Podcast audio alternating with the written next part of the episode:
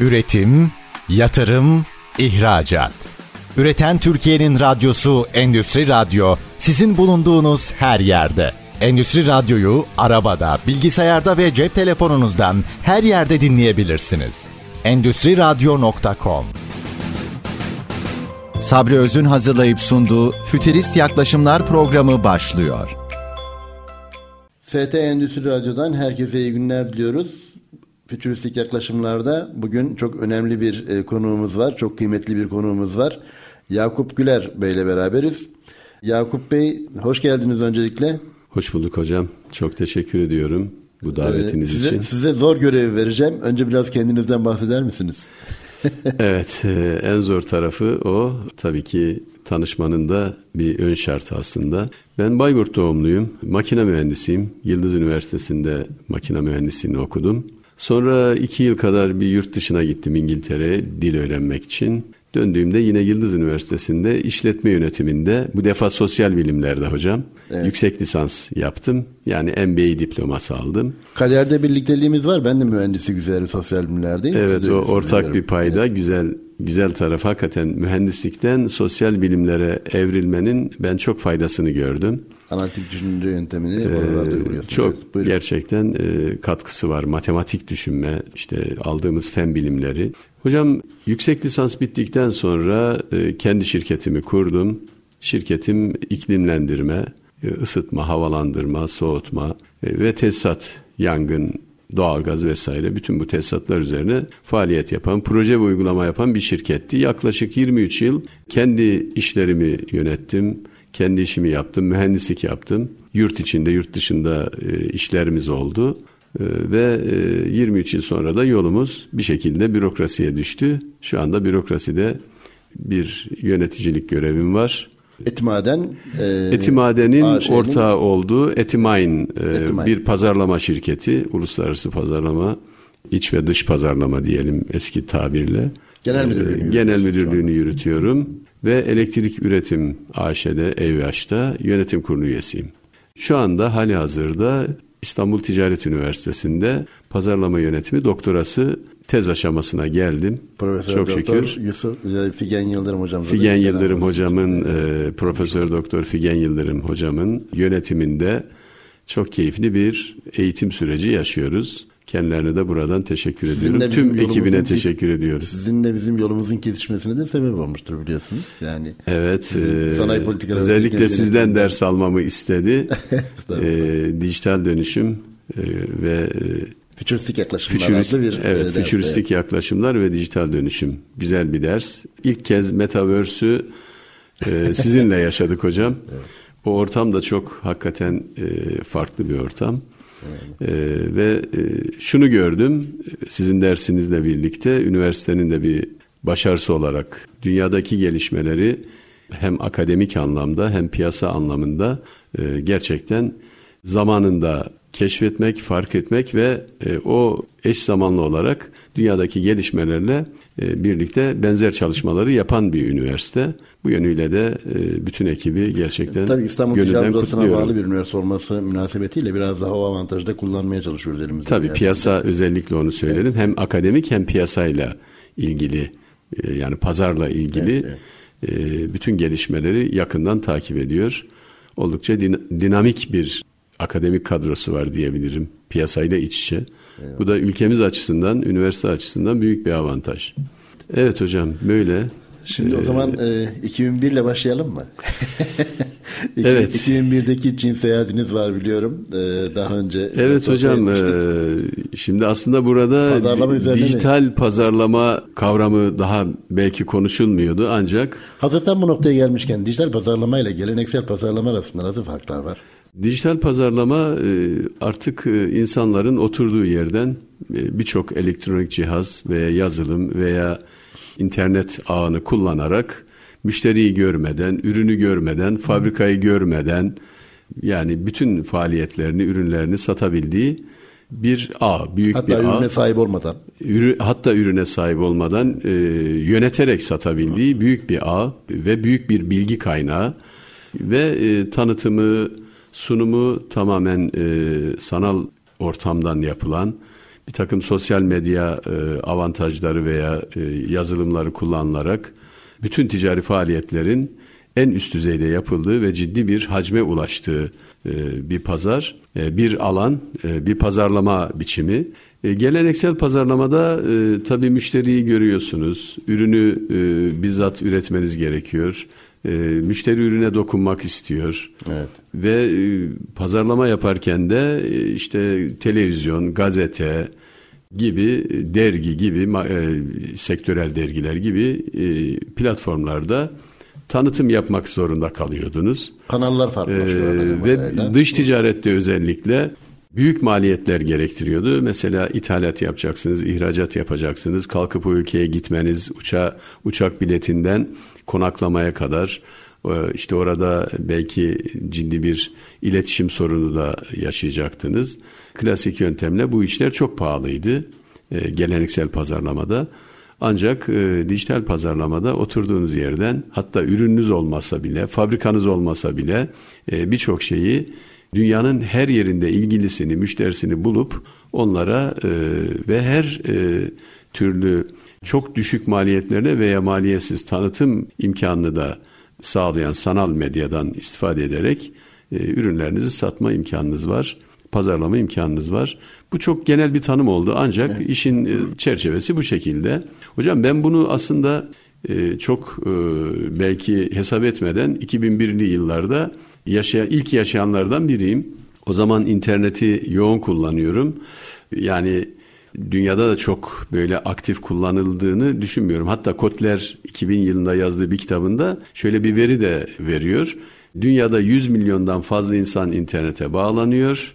Ee, bir buçuk milyondan fazla da alan adı internette kayde, kaydedilmiş evet. yani akredite olmuş ve bu trafiğin e, işte her yüz günde de ikiye katlandığını tahmin ediyor. Bir, bir veya ikiye katlandığını böyle bir hız. Ne Ve kadar demiştiniz 2000 yılındaki? 2000 e, yılında yazdığı bir kitapta 100 milyon, e, bir buçuk milyon alan adı var. Bir buçuk milyon. Şu anda 2 milyar. Evet işte o kıyaslamayı yapacağım. Hmm, Ve e-ticaret de 1998 yılında 20 milyar dolar iken bir projeksiyon yapıyor. Bu diyor 2002 yıllarında 307 milyar dolara ulaşacağı tahmin ediliyor. Şimdi buna baktığımızda e, Forrester'ın bir araştırmasındaki bir raporda sadece Çin'in 2019 yılında e-ticaretteki mobil e, mobil satış sayesinde 1 trilyon dolara ulaşacağı tahmin ediliyordu sadece evet. Çin'in. Şimdi bu tabii çok hızlı bir büyüme, çok hızlı bir gelişme. Ben de 2001'li yıllarda interneti kullanırken tabii Philip Kotler'den de çok e, haberim yok. Bu araştırmalardan da haberim yok. Ancak interneti hakikaten bir e, ürün araştırma portalı olarak değerlendirmeye başladım ve 2001 yılında Çin'de, o zamanın fütürist yaklaşımı demişsiniz herhalde. Fütürist yaklaşımı oraya da gireceğim ben e, tabii öğrencilik yıllarında Alvin Toffler'ı okudum. E, Third Wave, The evet, Third Wave, evet, evet. E, Future Shock. Alvin Toffler aslında o yıllarda e, üretimin ve e, ticaretin e, buralara evrileceğinin işaretlerini evet. veriyordu. Mesela e, fabrikalarda üretim evlerden yönetilecek diyordu. E, öğrencilik yıllarımda ben bunu biraz da böyle uçuk bir hayal gibi evet. algılamıştım. Yani fabrikaya gitmeden makinenin başında durmadan e, efendim Mehmet Usta işte e, o bor yağıyla e, sistemi kontrol etmeden kafada işte taktığı kesici bıçağı CNC tezgahlar daha sonra geldi tabi. E, Rovelverler var, e, işte torna, tesviye tezgahları var. E, buralardaki ekipmanı kontrol etmeden bu iş nasıl olacak diye tabii o zamanki bilgimizde biraz da e, böyle acaba diye bir soruyla karşılaşıyoruz. Hakikaten teknolojiyi de takip eden bir mühendis olarak e, gördük ki gerçekten fütüristler özellikle Alvin Toffler hatta Drucker kapitalist evet, ötesi evet, toplumda evet. mesela ticaret biçimlerinin buralara evrileceğini e, önceden yazmıştı. Termodinamiğin yasalarından biri entropi. Jeremy Rifkin diye bir Amerikalı fütürist Entropi e, diye bir kitap yazdı. Jeremy hmm. Rifkin de Entropi'de aslında 90'lar e, 95'ten e, sonra galiba yanlış hatırlamıyorsam. Ben e, 90'lardan da önce diye hatırlıyorum. Daha mı önce? E, bas, e, Belki sonraki edisyonu. He, tabii birkaç baskısı oldu. Daha sonra nesnelerin internetini yazdı. Jeremy Rifkin.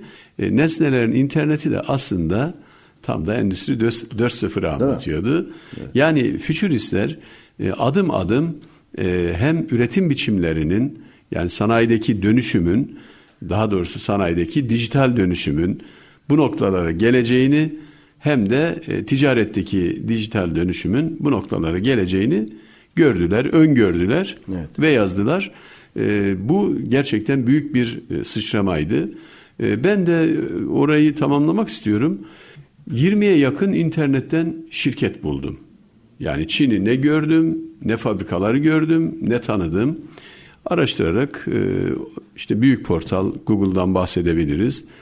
E, üzerinden e, şirketleri buldum ve Çin'in çok önemli bir portalını fark ettim internette gezinirken ve bu portal üzerinden ki özellikle Çin'de üretilen ürünleri öne çıkaran bir portal, büyük bir portal ve bu portal üzerinden 20'ye yakın şirketle yazıştım ve 20'ye yakın şirketten numuneler getirttim ve bu numuneleri Türk standartlarına uygunluğunu test ettirdim. Bunların içinden en iyisini seçerek ben de kendim de üzerinde model çalışmaları yaparak e, yeni bir ürün ortaya çıkardım ve bu ürün daha sonra Türkiye'de markalaştı.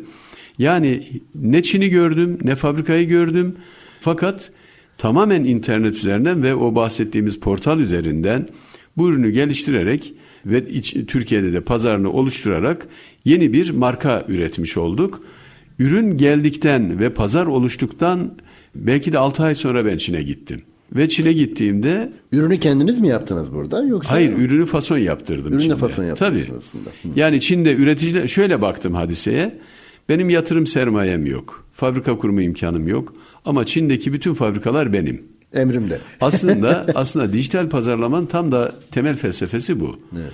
Benim fabrikam yoktu. Gerçekten işte Çin'e gitme imkanım belki yoktu. Ancak e, Çin'deki bütün fabrikaları e, kendi markamla ürün üretmeye yatkın hale getirecek bir bakışım vardı demek ki, bir vizyonum vardı. Ben onları kendi markamla, e, hatta kendi modeller üzerinde yaptığım bir takım modifikasyonlarla modellemeler yaptım. Evet. Bir ürün kategorisi ortaya çıkardım. Ve bunun katalog çalışmalarını Sabahattin Bey ile yaptık işte. Sabahattin Kayış'ta çok evet, emeği vardır. Buralar bir, bir, bir hafta Sabahattin Bey'le alacağız konu olarak. Evet. Ha, o zaman yeniden gireyim. Evet, ee, e, Sabahattin Kayış burada anmak istiyorum. Çok değerli bir tasarımcı, grafiker arkadaşım. Ee, ve onunla adeta sabahlara kadar çalışarak e, harika bir iş çıkardık ve o sever zaten öyle sabahlamayı. Fabrikamız evet yani çok e, aşkla çalışan bir arkadaş. Biliyorum, gerçekten biliyorum. ben o yönünü e, çok takdir ediyorum. Bir de ikimiz bir araya geldiğimizde zaten güzel işler çıkıyordur. Biraz e, uçuyoruz yani böyle e, yani o tasarım, o estetik, o sanatsal muhteşem, boyutu muhteşem, ürünün evet. hakikaten e, hem mühendislik tarafımıza hem sanatla olan ilişkimize böyle ayrı bir değer katıyor. E, ve bu bu çalışmayı hiç fabrikamız olmadan, hiçbir e, makinamız, ekipmanımız, üretimde çalıştıracağımız elemanımız olmadan biz bu ürünü ortaya çıkardık. Gerçekten bunun adı zannediyorum tam da dijital pazarlama. Evet. Ve bu ürün sonradan Türkiye'de markalaştı ve hala pazarda ya, ya, önemli ya. bir yere sahip e, bir marka olarak, bir ürün olarak faaliyetini sürdürüyor. Yakup Bey e, şimdi e, bir ara vereceğiz. Kısa bir ara vereceğiz. ST Endüstri Radyo'da Yakup Güler'le e, birlikteyiz. Çok keyifli bir sohbet oluyor. Bir kısa ara verelim. Ondan sonra Teşekkür tekrar ediyorum. Tabii ki uygundur. Üretim, yatırım, ihracat.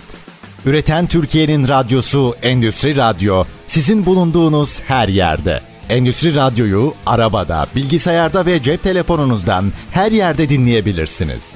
Endüstri Radyo.com ST Endüstri Radyo'dan tekrar herkese merhaba.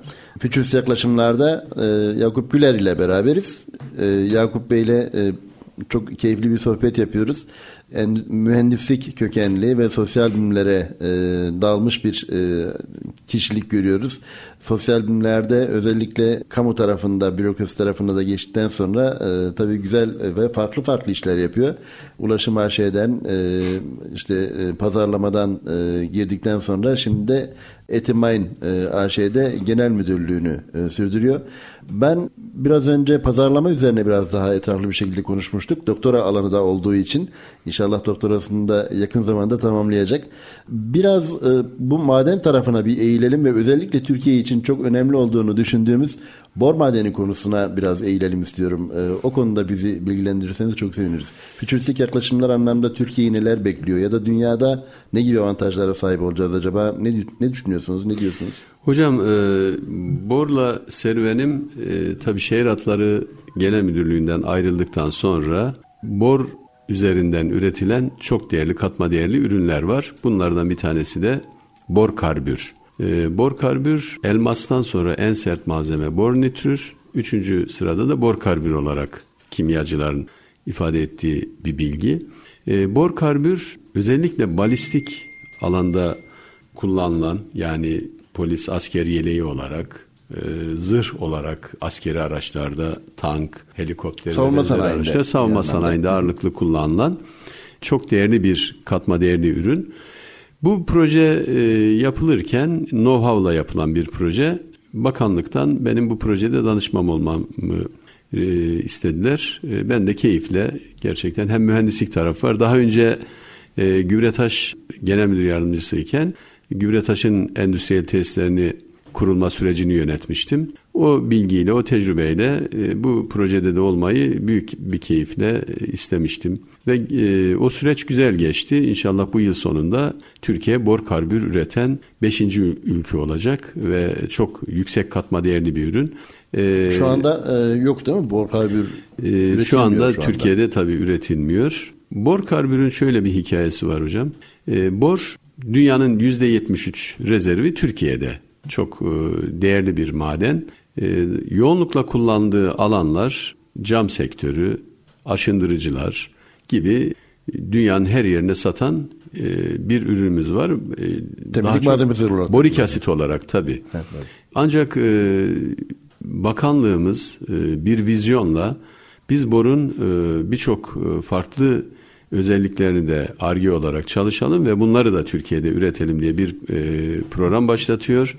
Bu program içerisinde işte bor karbür, bor nitrür, hatta bor atığından şimdi lityum üretilecek e, ve en son temeli atılan ferro bor yani e, yüksek nitelikli çelik e, üretiminde kullanılacak bir malzeme. Yani boru klasik kullanımdan daha çok yüksek getirisi olan katma değerli ürünlere doğru bir e, yolculuğa çıkardı bakanlığımız. Burada da e, bu çok önemli bir şey özellikle bu kesinlikle için, çok yani? önemli çünkü Mesela borun ilk cevher olarak çıkarılıp da kırılıp bir e, granül hale getirilip satışı e, 100 dolar civarında tonu. Tonu 100 dolar. Evet. Yani 0, sadece, bir, sadece kilogramda 0,1 desek. Evet hiç işlenmemiş. Evet, 10 sent. E, sadece kırılıp e, granül hale getirilmiş. E, bunun bir üst e, aşaması borik asit. E, borik asit 1000 dolar civarında yaklaşık 8 Kilogramı bin dolar 1 dolara geliyor yani. Evet e, tonu. Borik asit ve karbon grafiti ile birlikte üretilecek olan bor karbür tonu 40 bin dolar. Yani işte bin dolardan zaten, 40 bin dolara bir hatta e, daha yüksek e, standartta yani saflığı daha yüksek standarda ulaştığında e, borik, e, bor karbürün tonu 1 milyon dolarlara kadar çıkıyor. Bu çok özel alanlarda kullanılıyor. Uzay Tabii sanayinde onun, falan da e, Bor karbür nozül gibi böyle aşınma riski yüksek olan alanlarda da kullanılan çok değerli bir malzeme. Ee, ve e, şu an e, fabrikanın e, çalışmaları devam ediyor. Arkadaşlar gerçekten büyük, büyük bir gayretle bir eser ortaya koyuyorlar. İnşallah yıl sonunda da güzel bir açılışla e, Türkiye bor karbür üreten e, ve belki de Türkiye'de e, bunun ikinci aşamasında ürüne dönüştüren e, şirketlerle birlikte veya e, çalışmalarla birlikte önemli bir pazar payına sahip olacak ST, bu alanda. ST Endüstri Radyo'nun da bir mottosu var ya yani e, üretim, yatırım, ihracat üzerine konumlanmış. Evet. Çok hoşuma gidiyordu o e, Yani motto. endüstri radyo, Yani radyodayız tabii bunları söylemek de e, böyle bir yerde e, gerekiyor belki de. Özellikle ihracat tarafına bakıldığında hakikaten şu anda Türkiye ortalaması 1 dolarlar seviyesinde, 1-1,5 dolarlar seviyesinde. Hatta daha da geriye geliyor galiba özellikle bu e, döviz ve kur hareketliliği e, yukarı tırmanışı münasebetiyle. E, inşallah e, BOR bunlara farklı bir e, ortalamayı biraz daha yukarıya çekici çok önemli bir e, Evet, katkı katma değerli sağlayacaktır ürünler diye. Evet. ürettikçe tabii ki bu ortalama yukarıya çekilecek. Yoksa Ee, temizlik malzemesi olarak veya e, ham madde olarak veriyor olmak çok enteresan. Çin e, Fatih Oktay'ın kitabında Çin adlı bir kitap var böyle e, kalın takoz gibi bir kitap vardır Evet. Fatih Hoca'nın. Profesör Doktor Fatih Oktay buradan selam olsun kendisine de. Orada mesela yanlış hatırlamıyorsam ifade etmişti. E, Çin e, şey vermiyor mesela e, ham madde satışı yapmıyor. Ün- e, ihracat olarak hiç e, ham maddeyi ihraç etmiyor. Ne yapacaklarsa biz yapalım diyor içeride yani. Evet, e, özellikle nadir toprak elementleri konusunda e, Çin e, gerçekten çok ciddi bir güce sahip ve bunu da e, ilerisinde dünyanın ihtiyaç duyacağı mesela çip krizi oldu. Bu tür şeylerde yani e, dünyanın e, karar verici mekanizmasının başında olabilecek bir e, güce sahip. Tabii yani Ta- Tayvan bu konuda çok enteresan bir e, noktada. E, Tayvan'da e, işte TCMC olarak e, ifade edilen bu e, fabrikanın yani Tayvan Semiconductor Manufacturing Company e, diye geçiyor. %20-25'ler seviyesinde dünyadaki çipler üretiyor. E, dolayısıyla e, Tayvan'daki e, ana sebep belki o değildir ama Tayvan'daki o üretim bile işin açığı çok e, Önemli ciddi bir güç. anlamda şu anda Tayvan e, Çin gerginliğini Amerika Birleşik Devletleri'nin e, tarafgirliğiyle de ortaya çıkan bir takım hadiseleri biraz daha e, körüklüyor sanki diye Tabii Çin bu konuda e, e, rolünü kaptırmak istemiyor. E, tabii. E, Birçok alanda işte özellikle lityum bataryalar veya bu elektrikli araçlar konusunda batarya e, üretim gücünü Çin Evet, elinde evet, evet, tutuyor. evet. Ama e, şunu gerçekten bir mühendis olarak beni de çok etkileyen e, işte TOG'un üretilmesi ve TOG'la birlikte Türkiye'de batarya üretiminin de devletin desteğiyle iyi bir noktaya gelmesi bizi de bu alanda heyecanlandırıyor. Bu yönüyle tabii ki sektörel bir sıçrama olacak. Türkiye'nin bütün bu e, katma değerli ürün Ben yatırımlarıyla şeyi de birlikte. mesela hep üzülürdüm. Yani dünyada çok e, ender çıkan bir e, vişne mermeri galiba değil mi? Elazığ'da çıkartılan. Vişne mi kiraz mı? Hep onu karıştırıyorum ben ama. Kızıl damarlı bir e, şey. Elazığ mer- mermeri mermer diyelim. Efendim? Elazığ mermeri Elazığ diyelim. mermeri. Elazığ'ın e, takım Elazığ renkleri de mermeri. oradan geliyor biliyorsunuz. Evet, Elazığ mermerini mesela e, biz yıllarca hep ham madde olarak vermişiz. O e, yani İtalya'da mesela işlenip Türkiye'ye geri satıldığında ya da e, aynı şey hatta şeyde de var. E, genelde de örnek veririz biz. Çam fıstığının yeşil halini e, ham madde olarak veriyoruz e, şeye e, ihracata. Reçel olarak da geri alıyoruz. Hem de Yunanistan'dan. Yani e, böyle enteresan e, bir takım e, politikalarımız var maalesef. Evet, yani bu- İnşallah bunlar çok daha Yani güzel bir aslında hatırlatma. Yani Borda'da şu an gerçekten Türkiye artık başka yerden katma değerli ürün almak yerine Kendisi. e, bakanlığın e, Çok şükür. ortaya koyduğu politikalarla tamamını kendisinin katma değerli ürün olarak üretip e, hem iç pazarda hem dışarıda bunu değerlendirme yolunda güzel adımlar Tam, atıldı. tam ST Endüstri Radyo'nun e, mottosuna Evet, uygun e, yani. diğer Yatırım, bir alan asıl kendi ihracat. kendi e, yönetici olduğum alana gelirsek hocam. Buyurun. Orada da temizlik alanında Bor ciddi anlamda bir katkı sağladı. Şu an bizim ürettiğimiz Bir devlet markası olarak. Boron- Evet evet Boron Boron e, markası E, bu markayla o alanda ciddi bir farkındalık oluşturdu çünkü Pazarda ne hem kadar paya yüzde yüz sahip? doğal Şu anda var mı bir e, şey? yani o ilk dönemde yüzde sekiz buçuklara kadar çıktı. Ancak e, yeni argelerimiz var, yeni çalış, çalışmalarımız var. Biz pazar payını ve tüketici e, e, alışkanlığını e, gerçekten e, pekiştirmek için ciddi, Çünkü bu alanda ciddi küçük çalışmalar bir devletin yapıyoruz. çok büyük bir etkinliği var biliyorum. Evet. e, Hem hem e, burada kullanılan bor ham maddesi yüzde yetmiş biz e, bor katkı kullanıyoruz. Bunun iki tane önemli özelliği var. Birincisi Bu yine atık olacakken katma değere dönüştürülen bir tarafı borun. Yani çok değerli bir alanda kullanılacaktı da biz bunu temizlik malzemelerine hmm. Kullanıyoruz diye bir şey yok. Evet, bu, bu atıktı. Aynen lityumda yapıldığı gibi sağ olsun e, Sayın Bakanımız ve ekibi lityumu borun bir atığından keşfederek argeye dönüştürdü ve şimdi de üretime dönüştürdüler. E, bu da onun gibi. Burada e, sağlık açısından en önemli özelliği de bor katkılı ürünlerimizin yüzde yüz e, antibakteriyel olması, antifungal olması ve alerjik bir özelliğinin olmaması. Alerjen olmaması yani. Şimdi evet. bu sağlık açısından gerçekten çok değerli bir ürün.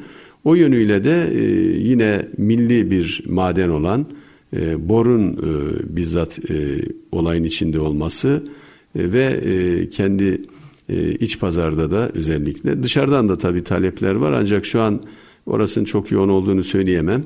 Ancak içeride hem e, bor katkılı temizlik ürünlerinin hem de dezenfektanların tüketici e, kullanımından sonraki imajı çok yüksek. Yani hmm. müşteri memnuniyeti e, tabii iddiası e, yüksek e, performansdan ziyade sağlıklı ürün iddiası olduğu için o yönüyle bakıldığında gerçekten e, tüketici memnuniyeti iyi düzeyde. Yine biz bu alanda ARGE çalışmaları yapıyoruz. Sektöre neler katabiliriz? Çünkü e, işin kaynağı gerçekten Türkiye'de. E, biz oradan istifade ederek işte e, alanımızda bir referans çizgi oluşturabilir miyiz? Onun arayışı için, onun çalışmaları içindeyiz. Evet, evet. Yeni bir ürün, yeni bir pazar, yeni bir Yeni olmasının tabii e, dezavantajları var. İşte tutundurma, işte pazarlamanın. Evet, tam da yine e, pazarlamaya dönüyoruz. pazarlamaya dönüyoruz. E, o meşhur 4P'si var ya işte tutundurmayı gerçekten sabırla ve istikrarlı bir şekilde orada sürdürülebilirlikte. Ürün, fiyat, tutundurma ve yer miydi? Evet, evet. evet. 4P. Ee, Buyurun. E, işte bunları e, gerçekten profesyonelce takip ediyoruz, dikkat ediyoruz. E, ekibimiz bu konuda uzman bir ekip. Hem ARGE birimimiz hem de pazarlama ekibimiz gerçekten konusunda Türkiye'nin köklü firmalarında yetişmiş, faaliyet yapmış arkadaşlardan oluşuyor. Bu yönüyle Bo, de... Borun pazarlamasında hem B2B var hem B2C var galiba. Yani böyle enteresan bir şey. Çünkü ee, bitmiş ürün olarak da gönderdiğiniz evet, var. Evet. E, dolayısıyla e, bir, bir anlamda e, B2B pazarlamayı da herhalde e, stratejik olarak değerlendirmek gerekiyor. E, tabii ki orada hatta ülkeler arası stratejik ürün olunca ülkeden ülkeye de bir şey ha, var. O da, o da farklı. Mesela. Tabii o da farklı bir şey. Çünkü e, stratejik ürünlerde e, ürününüzü isteyen her yere bazen vermeyebiliyorsunuz. Peki. E, borun böyle bir e, tarafı da var tabii stratejik evet. bir ürün. ST Endüstri Radyo'da Fütürist Yaklaşımlar'da Yakup Güler'le devam ediyoruz. Ee, ama kısa bir ara vereceğiz. Çok keyifli sohbet oluyor. Ee, pazarlamadan, dijital pazarlamadan girdik. Ee, buradan çıktık ama e, pazarlamaya tekrar dönecekmiş gibi gözüküyor. Evet ee, bir kısa aradan sonra tekrar. Pazarlamadan başlayalım. hiç kopamıyoruz. Evet, evet. Hani tekrar dönmek bir yana e, hiç kopmuyoruz. Evet. Eyvallah. Bir kısa aradan sonra tekrar görüşmek üzere. Üretim, yatırım, ihracat. Üreten Türkiye'nin radyosu Endüstri Radyo sizin bulunduğunuz her yerde. Endüstri Radyo'yu arabada, bilgisayarda ve cep telefonunuzdan her yerde dinleyebilirsiniz. Endüstri Radyo.com ST Endüstri Radyo'da fütüristik yaklaşımlar devam ediyor. Yakup Güler'le. Yakup Bey'le e, çok keyifli bir sohbet yapıyoruz. Özellikle pazarlamadan başladık. Çıkamadık kendi tabirinizle. E, sonra Bora döndük ama tekrar pazarlamaya doğru bir e, yol almak durumunda kaldık. Bu arada bir şeyi söylemek lazım. Programın sonuna doğru şöyle bir iki dakika, üç dakika sizden mutlaka bir şiir alacağım. Onun sözünü almış olayım hemen. Ondan kurtuluşunuz yok. Eyvallah hocam. Şimdi, Ama evet. Borla ve Bor'un pazarlama stratejisiyle devam edelim eğer uygun görürseniz. Ne diyorsunuz? Türkiye evet, nasıl hocam. bir strateji Şimdi, izlemeli ya da izliyor? Daha önce de bahsettim. Ekibimiz gerçekten Türkiye'nin köklü şirketlerinde yetişmiş arkadaşlardan oluşuyor. Dolayısıyla pazarlama stratejisinde e, bu arkadaşların deneyimi ve bakış açısı çok e, önemli rol e, üstlendi. Öncelikle e, zincir marketleri e, hedef aldık. tüketicinin direkt ulaştığı pazar olarak diyelim zincir marketler sonra yerel marketler e, yurt dışında da e, daha çok etnik market arayışımız oldu. Yani talepte bulunanlarla görüşmelerimizde evet. Türkiye'den giden ürünlerin satıldığı marketleri özellikle market dediğim yani satış noktaları evet. Özellikle hedef alındı. Pazarlama stratejimiz oldukça sade ve e-ticaret olarak da yani dijital pazarlamaya da e, tabii, giren tabii, bir tabii. E, dijital tarafı. pazarlama tarafımızda e, e-ticaret olarak portalımızda devam ediyor. Tabii bu ürünleri biz özellikle piyasada çok rekabet olduğu için kendi üstün özelliklerini vurgulayarak müşteriyle buluşturuyoruz, tüketiciyle buluşturuyoruz. O üstün özelliklerinin başında da sağlıklı daha doğrusu işte antibakteriyel olması, evet. antifungal olması bu özellikleri e, gerçekten tüketici tarafından bu sektördeki ürünler içinde yeni bir konsept olarak da algılandığı için e, dikkate değer bulunuyor. E, ürünün benzeri yurt dışında özellikle Amerika'da çok uzun uzun yıllardır satılıyor. Avrupa'da ürünle ilgili daha doğrusu bu tür ürünler içerisinde kullanılan bor oranı ile ilgili özellikle Almanya'da bir bariyer var. Ee, biz mesela yüzde yetmiş bor kullanıyoruz. Almanya yüzde sekiz buçuğun üzerinde kabul etmiyor. Ee, bunun biraz da stratejik boyutu olduğunu düşünüyorum. Çünkü kendi ülkelerinde e, büyük. Avrupa Birliği'nde böyle bir genel e, şey var mı? Yani bir Avrupa bir Birliği'nde genel yok e, ancak ülke bazında ülke böyle bir var. şey var. Onlar da kendi onlar ithalatından böyle bir e, yerel değer alıyorlar yoksa kendi üretimlerine mi? Yani ithal ederken bunu e, bir bariyer olarak koyduklarını Anladım. düşünüyoruz. Çünkü kendi yerli üreticilerini korumak tabii evet. bir ülke açısından tabii ki anlaşılır bir karar diye düşünüyorum. Ee, onun dışında e, bizim ürün çeşitlememiz özellikle ARGE çalışmalarımız devam ediyor. Çünkü burada pazarlamanın temel parametrelerin artık başında ürünü tüketici belirliyor. E, hatta fiyatı, ürünü birçok şeyi artık tüketici belirliyor. E, dolayısıyla biz oradan aldığımız feedbackle e, yeni çalışmaları yönlendiriyoruz.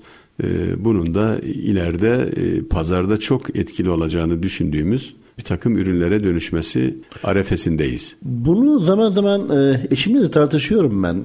Eşimin de alanlarından bir tanesi çünkü.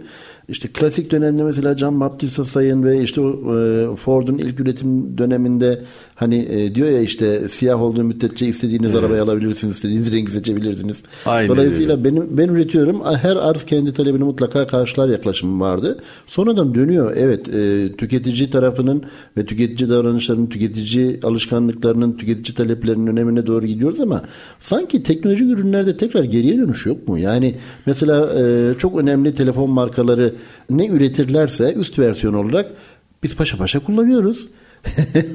ne diyorsunuz? Ee, şimdi aslında bu e, biraz da yani piyasa vizyonuyla alakalı. E, tabii bildiğimiz e, birçok markada tarihin e, içinde yerini aldı.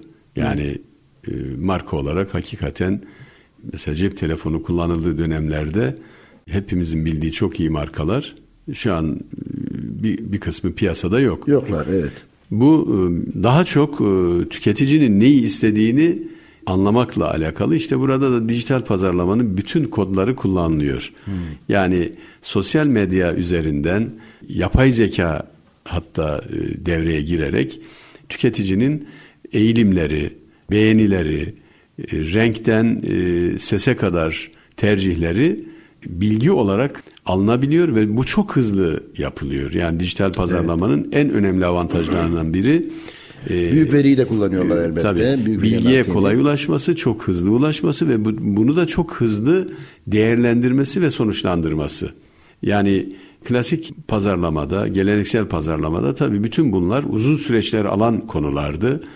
Yani e, kullanım süreçlerini test etmeniz belki ayları yılları alıyordu ancak bugün tüketici hemen tepki verebiliyor ve bu tepkiyi hemen veriye dönüştürebiliyorsunuz. Evet. Bu veriyle birlikte tüketicinin e, belirlediği, talep ettiği demiyorum özellikle belirlediği hmm. standartlarda yeni bir ürün üretmek durumunda kalıyorsunuz. Teknolojinin aslında getirdikleriyle biz bizi bizden daha iyi tanıyan bir olguyla da karşı karşıyayız aslında. Yani bizim e, algılarımız yine e, Recep Akbayrak'ın e, kitabında da hep ifade eder.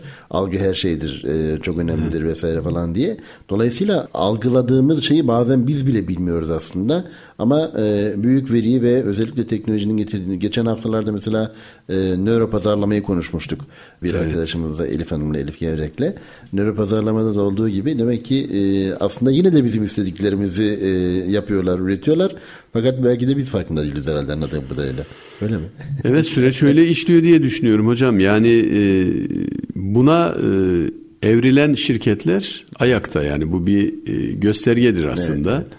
Ama e, ben siyah üretirim, alan alır diyen şirketler çoğu şu an evet. tarihe mal oldu, tarihe gömüldü, gitti. Bu aslında e, marka e, kavramını da öne çıkarıyor. Evet. E, işte e, tüketicinin e, değer verdiği, daha doğrusu en önemli zafiyetlerimizden biri değil mi? E, marka. Şimdi bazen zafiyet, bazen tutku, bazen güven. Çünkü marka arkasında birçok... Ül- ülke olarak söylüyorum. Yani Türkiye'nin ha. belli başlı markalarının... Tabii e, o yönüyle marka üretemememiz Birkaç tane marka bir sayarız sıkıntı. elbette. Çok Tabii ki markalarımız var. var. Ancak marka üretme e, süreçleri hak, hakikaten tartışılmalı. Evet. Yani burada tabii kendimizi aşan şeyler söylemek doğru değil. Ancak şunu bir Borma mühendis olarak... kaç tane markamız var? sayı olarak şöyle kafanızda bir şey var mı? Üretmeyi planladığınız yani bizim ürünlerle ilgili mi? Efendim şey e, bizim ürünlerimizle ilgili yani bir şey var mı şu anda? Şu an marka bizim, çalışması var mı? Tabii bizim e, ikinci bir marka e, tescil ettirdik. Şu an Anladım. onu ifade etmeyeceğim ve yeni marka çalışmalarımız var. E, benim biraz marka ile ilgili e, ilişkilerim e, iyidir. Yani çok eskiye evet. dayanır. Hatta her her gittiğim kurumda önce marka tescilline bakıyorum.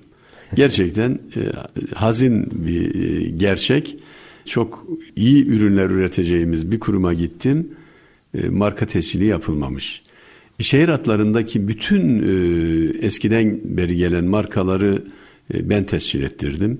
Yeni markalar hatta tescil ettirdik. Çünkü e, eğer şirket e, gelişme trendindeyse öyle bir vizyonu varsa e, markanızla hatta sertifikanızla evet, evet. uluslararası veya yerel istenen sertifikalarla hazır olmanız gerekiyor. Bunu eş zamanlı yönetebiliyorsanız başarılı bir süreç. Yani bir ürün çıkarmayı hedefliyorsunuz. Bu ürünü ana kriterleriniz şekillendikten sonra eş zamanlı yapmanız gereken en önemli iki şey var. Biri sertifikasyon sürecini başlatmak, evet. diğeri marka sürecini başlatmak. Çünkü siz ürünü çıkarırsınız, e, rafta yerini alır, tüketici memnun olur. Birisi gider sizin markanızı tescil ettirir. Bütün Hiçbir şey mülkiyet olsun. hakları ondadır. Artık siz ya yeni bir dizayn ve yeni bir tasarım, yeni bir marka ya da e, istediği bedelle o markayı satın almak durumunda Gerçi kalırsınız. Gerçi itiraz edebiliyorsunuz galiba yani kullandığınızı e, ispatlayarak. Ama gereksiz bir Ama süreç. Tabii, evet, yani aynen, eğer siz aynen. gerçekten işinizi doğru yaparsanız hiç bunlara gerek kalmaz. Evet. E, burada da e, bu konuda vizyoner bir ekibimiz var. E, yeni bir çalışma olduğunda önce bunun sertifikasyonu, marka süreci ve tüketiciyle buluştuktan sonra hem onun haklarını koruyacak hem bizim haklarımızı koruyacak bütün belgelendirme süreçleri ürünle birlikte eş zamanlı yönetilir. Evet. Ya bu çok değerli bir şey. Türkiye'nin e, bu konuda gerçekten benim biraz öz eleştiri olarak söyleyeyim. Mesela Sabahattin Kayış önemli bir değer ama e, Sabahattin Kayış'ı değerlendirecek e, veya Sabahattin Kayış gibiler değerlendirecek vizyonda çok fazla emin olun üreticimiz ve zenginimiz yok. Ee, yani bu konulara evet, e, para harcamayı e, gereksiz bir masraf olarak gören bir anlayışımız var.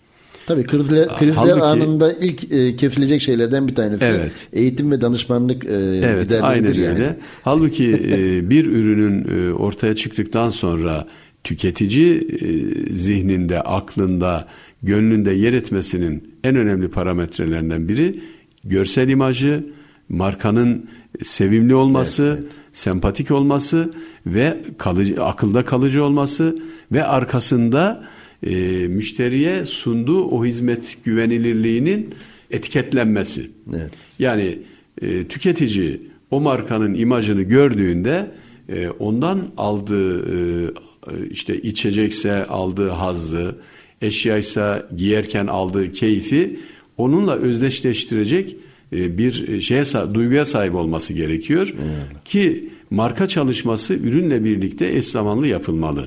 Evet. Biz gerçekten çok değerli e, üreticilerimiz, değerli ürünlerimiz var. Bunlardan bir, birkaçı öne çıkabilmiştir. E, markalaşma sürecini biraz öteliyoruz. E, sertifikasyon sürecinde de öyle Maalesef. bir sıkıntı vardı. Ancak e, devletimiz şu an bunları zorunlu kıldığı için yani e, belgelendirmeyi zorunlu kıldığı için e, uluslararası standart standartizasyonu evet. zorunlu kıldığı için özellikle TÜRKAK mesela akreditasyon yapan bir laboratuvar. E, laboratuvarları ve onların akreditasyonu zorunlu kıldığı için e, bugün üren e, ürün üretirken o sıkıntılar çok yaşamıyoruz. Evet. Yani hizmet ve ürünlerimiz belgelendiriliyor. Evet. Bu devlet sorumluluğundan dolayı. Hatta e, Türk Standartlar Enstitüsü Avrupa Birliği ile uyum olarak Euro normu da adapte etti bünyesine. Bunlar önemli e, katkılar, önemli gelişmeler. Bununla birlikte markalaşma sürecini, imaj sürecini, e, kurumsallaşma sürecinde profesyonelce e, sistemin içine dahil edersek Türkiye'nin gerçekten çok iyi markalar üretme potansiyeli çok yüksek. Verdiğiniz bu kıymetli bilgiler için hakikaten çok teşekkür ediyoruz. Çok keyifli. Hocam ben teşekkür ederim. Yani benim için de çok özel bir vakit oldu hakikaten. ST Endüstri Radyo'da Futurist yaklaşımlarda Yakup Güller'le beraberiz. Ee, şimdi başta aldığım bir söz vardı. O sözü e, size tutturmak istiyorum. Çünkü biliyorum sizin e, Bayburt'tan çıkan hikayeniz sonrasında mühendislik, sonrasında sosyal bilimler, sonrasında özel sektör, akabinde e, kamu alanı, e, yaptığınız çok farklı işlerle geldiğiniz bu nokta multidisipliner bir yapınızı da ortaya koyuyor. Mesela biliyorum karikatür çalışmalarınızın da olduğunu çok e, muhteşem bir e, çizim koleksiyonunuz da var. O hatta e, koleksiyonlarınız da büyük bir ihtimalle Metaverse ortamına eğer siz izin verirseniz bir müze olarak taşıyacağız. E, çok Rıdvan mutlu olurum beraber. hocam. Çok on, mutlu onu da, olurum. Onu da söyleyeyim. E, ama şimdi sizden e, günün anlam ve önemine e, istinaden bir e, şiir e, rica ediyoruz. Bu şiirle de inşallah programımızı kapatmış olacağız. Buyurun. Evet çok teşekkür ediyorum. Gerçekten benim için de çok keyifli oldu. Tabii e, iş hayatımla birlikte sanatsal faaliyetleri hakikaten ihmal etmemeye çalışıyorum. Çünkü beslendiğimiz kaynak orası. Burada da rahmetle anacağım e, Erdem Beyazıt'ın Aa. her işimizi aşkla yapmamız e, gereken ve yapmamızı adeta hatırlatan güzel bir şiir. Allah rahmet eylesin. Aşk Risalesi. Evet.